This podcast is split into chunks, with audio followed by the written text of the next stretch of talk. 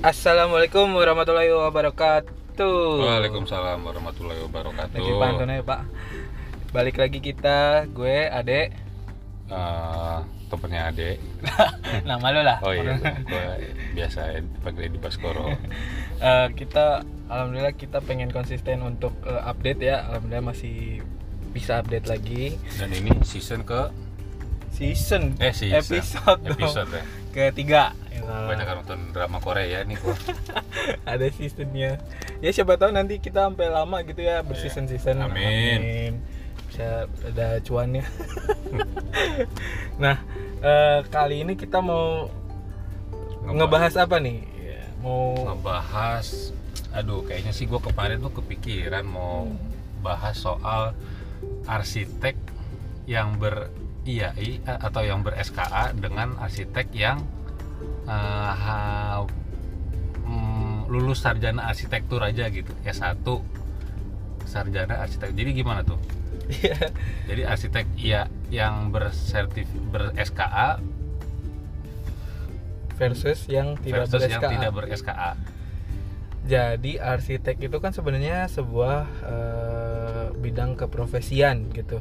Sama halnya kayak dokter, eh, lawyer Hmm. gitu yang mereka pasti akan ada sebuah asosiasi penaung yang untuk mereka berpraktek gitu. Hmm. Begitu juga dengan IA, eh, arsitek gitu. Nah, sebenarnya di arsitek ini sebenarnya masih banyak eh, asosiasi lain yang eh, bisa menaungi mereka arsitek ini gitu ya dalam berpraktek. Masih banyak SKA SKA yang keluaran organisasi selain IAI. Cuma untuk saat ini memang eh, ada udah ada undang-undang arsitek dan menentukan bahwa si IAI ini adalah eh, organisasi yang sah di eh, undang-undang gitu. Hmm, jadi yang terbesar IAI lah ya gitu Eh, amin.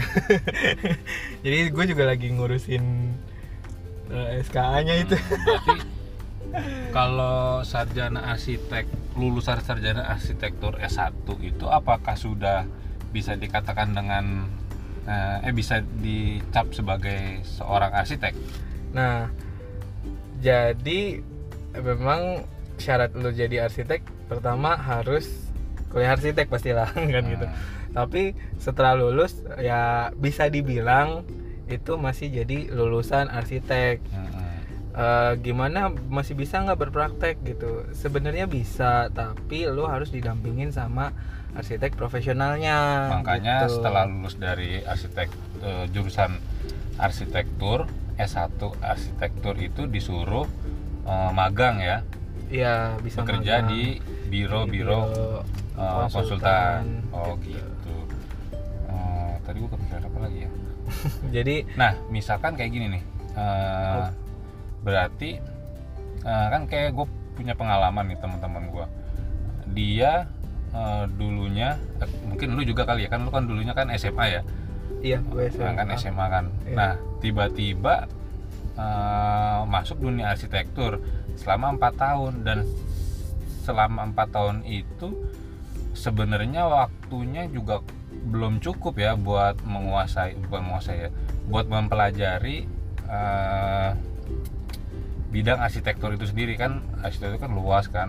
Ada rumah tinggal ada jenis jenis-jenisnya itu banyak mempelajari semuanya gitu. Hmm. Nah, empat tahun itu sebenarnya belum cukup. Makanya kenapa eh, setelah lulus sarjana arsitektur itu sebenarnya belum dicap sebagai seorang arsitek. Begitu kan ya? Soalnya kayak kayak, kayak gua aja di kantor ya, Hmm.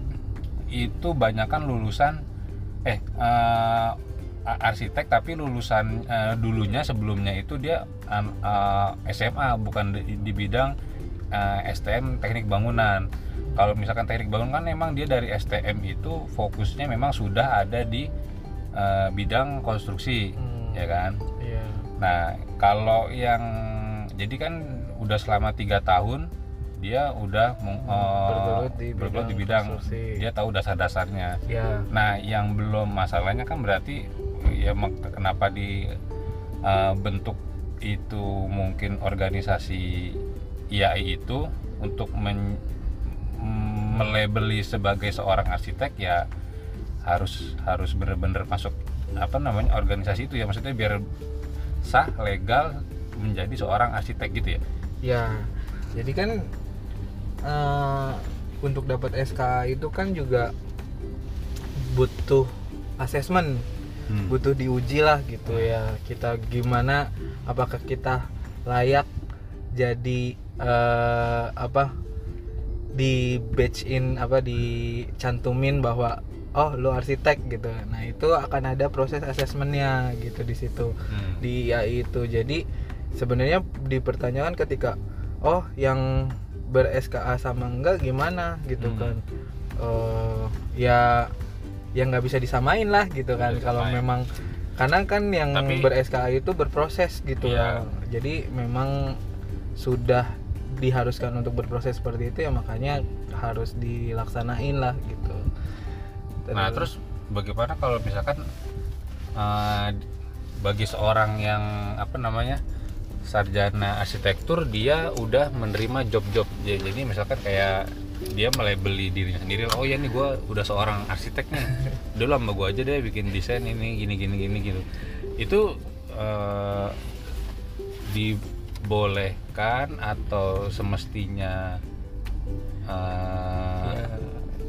Jangan dulu ditunda dulu harus haruskah ke lah kan se- se- sekarang kan eh, arsitek itu kan ya nggak terlepas dari bisnis kan gitu. Ibaratnya lu dapat tawaran proyek Hmm. buat ngedesain rumah tinggal lah misalkan. Rumah tinggalnya nggak usah orang lain dulu misalkan ternyata dapat tawaran dari saudara-saudara sendiri. Nggak mungkin ditolak kan? Hmm. nah sebenarnya gimana tuh ya kalau kasus kayak gitu tuh? Ya jadi gue gue disclaimer dulu ya disclaimer bahwa eh, kita nih sama-sama saling belajar. Jadi yang gue seten gua sebutin belum tentu benar dan yang eh, pendapat eh, para pendengar arsitek bisa aja yang benar gitu. Jadi nggak nggak nggak nggak menggurui gitu. Gue nggak Hmm. menggurui. Tapi gini gini. Sebenarnya fenomena itu adalah di di Indonesia tuh eh, masih banyak fenomena yang kalau emang lu udah bisa ngegambar bisa ini ya udah gue akan ngedesain gitu ya masih banyak gitu ya Eh, kayak gue juga dulu sebelum ngurusin SKA gitu ya gue juga ada beberapa project gitu dan dan itu eh, apa gue lakuin gitu dan Hmm. dapet dapet cuan lah dari situ Iya. juga bukannya untuk eh, itu salah atau enggak ya gitu tapi memang namanya juga nyari duit gitu ya Hmm. cuma sebenarnya gue cuma mau ngasih tahu bahwa ada proses kalau lu mau jadi arsitek yang bener gitu kan Hmm. ada prosesnya prosesnya yaitu eh, organisasi gitu ya Sekolah Dapat- arsitektur. se- eh, ya sekolah dulu ya Iya. gitu lulusan arsitektur dulu nanti dari situ bisa dapat eh, bisa join ke IAI gitu ya sampelnya A- terus dapat SKA nah itu lu baru bisa berpraktek. Itu adalah eh, prosesnya gitu ya. Cuma kalau misalkan di luar itu masih eh, nanganin desain ya ya ya ya ya nggak apa-apa gitu Iya, kalau soalnya memang- gini ini ini gue juga pengalaman gue nih. Jadi gue itu dulu bisa dibilang melalui jalur yang nggak bener sih. Jalur yang nggak benar Bener gimana? Jadi kan harusnya gue kan itu ke biro tapi gue malah eh, menerima job dulu gitu kan. Gue nyari nyari ah Oh, iya. gue ngerasa udah selesai terus gue nyari eh bahkan sebelum bahkan sebelum uh, kuliah lulus udah nerima nerima tuh gitu. Itulah eh, apa namanya cobaan tuh. Kita belum punya ilmu sedikit eh, baru punya ilmu sedikit baru tahu sedikit terus kita udah coba-coba cari-cari proyek gitu-gitu. Nah itu sebenarnya yang gue sadar sekarang itu nggak nggak baik sih gitu. Tapi ya orang namanya orang hidup kan butuh duit gitu ini gue ngomong ya eh, sepengalaman gue gitu kan karena gue juga butuh duit. Karena kan orang yang masuk di di bidang arsitektur itu kuliah arsitek itu eh, nggak hanya mikir ilmu gitu karena mereka juga butuh hidup. Mm-mm. kan dia keterbelakangan dari eh, dari hidupnya. Dia dia kuliah dari uang dari mana gitu kan. Nah itu gua nggak membeda-bedakan sih cuman ya eh, itu jadi apa ya jadi kisah masing-masing mahasiswa sendiri sih gitu. Jadi kalau misalkan gue sih ngomong dari dua sisi gitu ya, misalkan dari si sisi arsitek para arsitek profesional gitu ya. Para arsitek profesional tuh sering eh, bilang bahwa orang-orang yang berpraktek tanpa ada SKA tuh jatuhin harga istilahnya gitu ya. ya Jatuhin mereka istilahnya mereka Iya, akhirnya betul. jadinya mungkin pernah jadi dengar gue juga begitu Heeh, jadi nggak dipakai atau apa nah eh itu dari sisi para arsiteknya gitu ya terus dari sisi yang lainnya yang bukan yang nggak ber nggak ada SKA-nya SKA. yang nggak ber SKA-nya mereka juga butuh duit gitu kan. Mereka juga eh, nggak bisa eh, survive kalau mereka nggak dapet cuan gitu kan. Mereka udah dapet kesempatan ya mau nggak mau eh, diambil gitu. Makanya jadi ini sebuah fenomena yang akhirnya tuh akan terus menurut gue sih sampai saat ini akan terus begini sih sebenarnya sampai memang peraturannya eh, jelas gitu karena kan Kalau- sekarang kan ya memang sih tapi kayak kayaknya juga kalau misalkan kayaknya ini ya peraturan udah dibuat ya tetap Hmm. aja karena kan eh, ya kayak sekarang gitu kan eh, Iya. peraturan, memang udah dibuat udah, udah sih. dibuat udah Cuma jadi pasti pasti bakalan ada aja karena kan Hmm. orang orang itu kan berproses ya kan Eh, apalagi dia tahu ini arsitektur eh, terus eh, jasa. Dia nggak nggak nggak nggak modal uang dulu gitu kan untuk dia kerja. Dia dia hanya pengetahuan dia. Makanya kadang ada orang yang eh, menjual jasanya eh, misalkan di YouTube. Jadi eh, AdSense ya kan? Jadi orang-orang biar biar biar belajar sama dia jadi otodidak bisa bisa juga begitu ya kan Iya. ya karena kan balik lagi orang mencari duit gitu kan biarpun peraturan udah dibuat pasti cuman kan mungkin eh, dengan cara itu mungkin dari awal caranya nggak bener tapi dengan adanya peraturan ya kan Mm-mm. dia bisa menjadi arsitek yang baik gitu kan mungkin tadinya dia eh, kayak gue lah gitu masih mahasiswa udah nerima Mm-mm. pekerjaan tapi eh, setelah udah ngerti udah paham oh ternyata ada ini ada asosiasinya ada prosedurnya Mm. ada aturannya jadi eh, apa ya kita sebagai lulusan sarjana arsitektur ya pengen lah untuk membangkitkan atau untuk mendukung juga eh, arsitektur Indonesia ini jadi eh, namanya baik gitu Kalau jadi kalau setelah lihat dua sisi itu sih gue pengen menengahi sih sebenarnya. Jadi sebenarnya kan kalau misalkan yang di luar arsitek eh, itu paling pekerjaannya apa sih gitu ya? Eh, paling rumah, rumah tinggal, renovasi itu hal-hal yang kecil gitu ya. Ketika anda disuruh untuk mungkin bikin IMB gitu ya, Hmm. bikin apa ya? Untuk istilahnya formalitas ke ke negara gitu ya bikin sertifikat apa apa itu kan butuh eh, IMB-nya juga gitu-gitu. Nah, kalau kayak gitu kan berarti sudah wewenang yang sudah ber SKA gitu. Kalau yang memang kayak renovasi kecil-kecil mungkin yang di luar SKA juga nggak- masalah gitu ya. Jadi eh, memang sudah ada porsinya sih kalau menurut Iya, betul, gua gitu porsinya. porsinya. Jadi kalau misalkan yang nggak ber SKA ngerjain gedung bertingkat nggak mungkin tuh nggak Iya, mungkin nggak bisa mungkin, gitu nggak nggak mungkin bisa karena memang kalau gedung bertingkat itu ada eh, eh, apa ada aturannya yang harus dipenuhi gitu Hmm. nggak mungkin bisa langsung seret gitu kita bikin nih gue punya desain yang belum eh, apa yang belum ber SKA gitu dipakai nggak mungkin bisa Ya, gitu karena pasti juga kan lagi- ada Iya karena lagi lagi pula dari pemerintah juga kan misalkan bangun gedung kan pasti udah harus ada yang ber SKA kan. Mm-mm. Jadi sebenarnya sih ya emang udah ada porsinya masing-masing gitu. Iya, Jadi sebenarnya juga yang yang udah punya SKA yang nggak perlu mengeluarkan statement Mm-mm. atau atau mungkin kecemburuan lah gitu.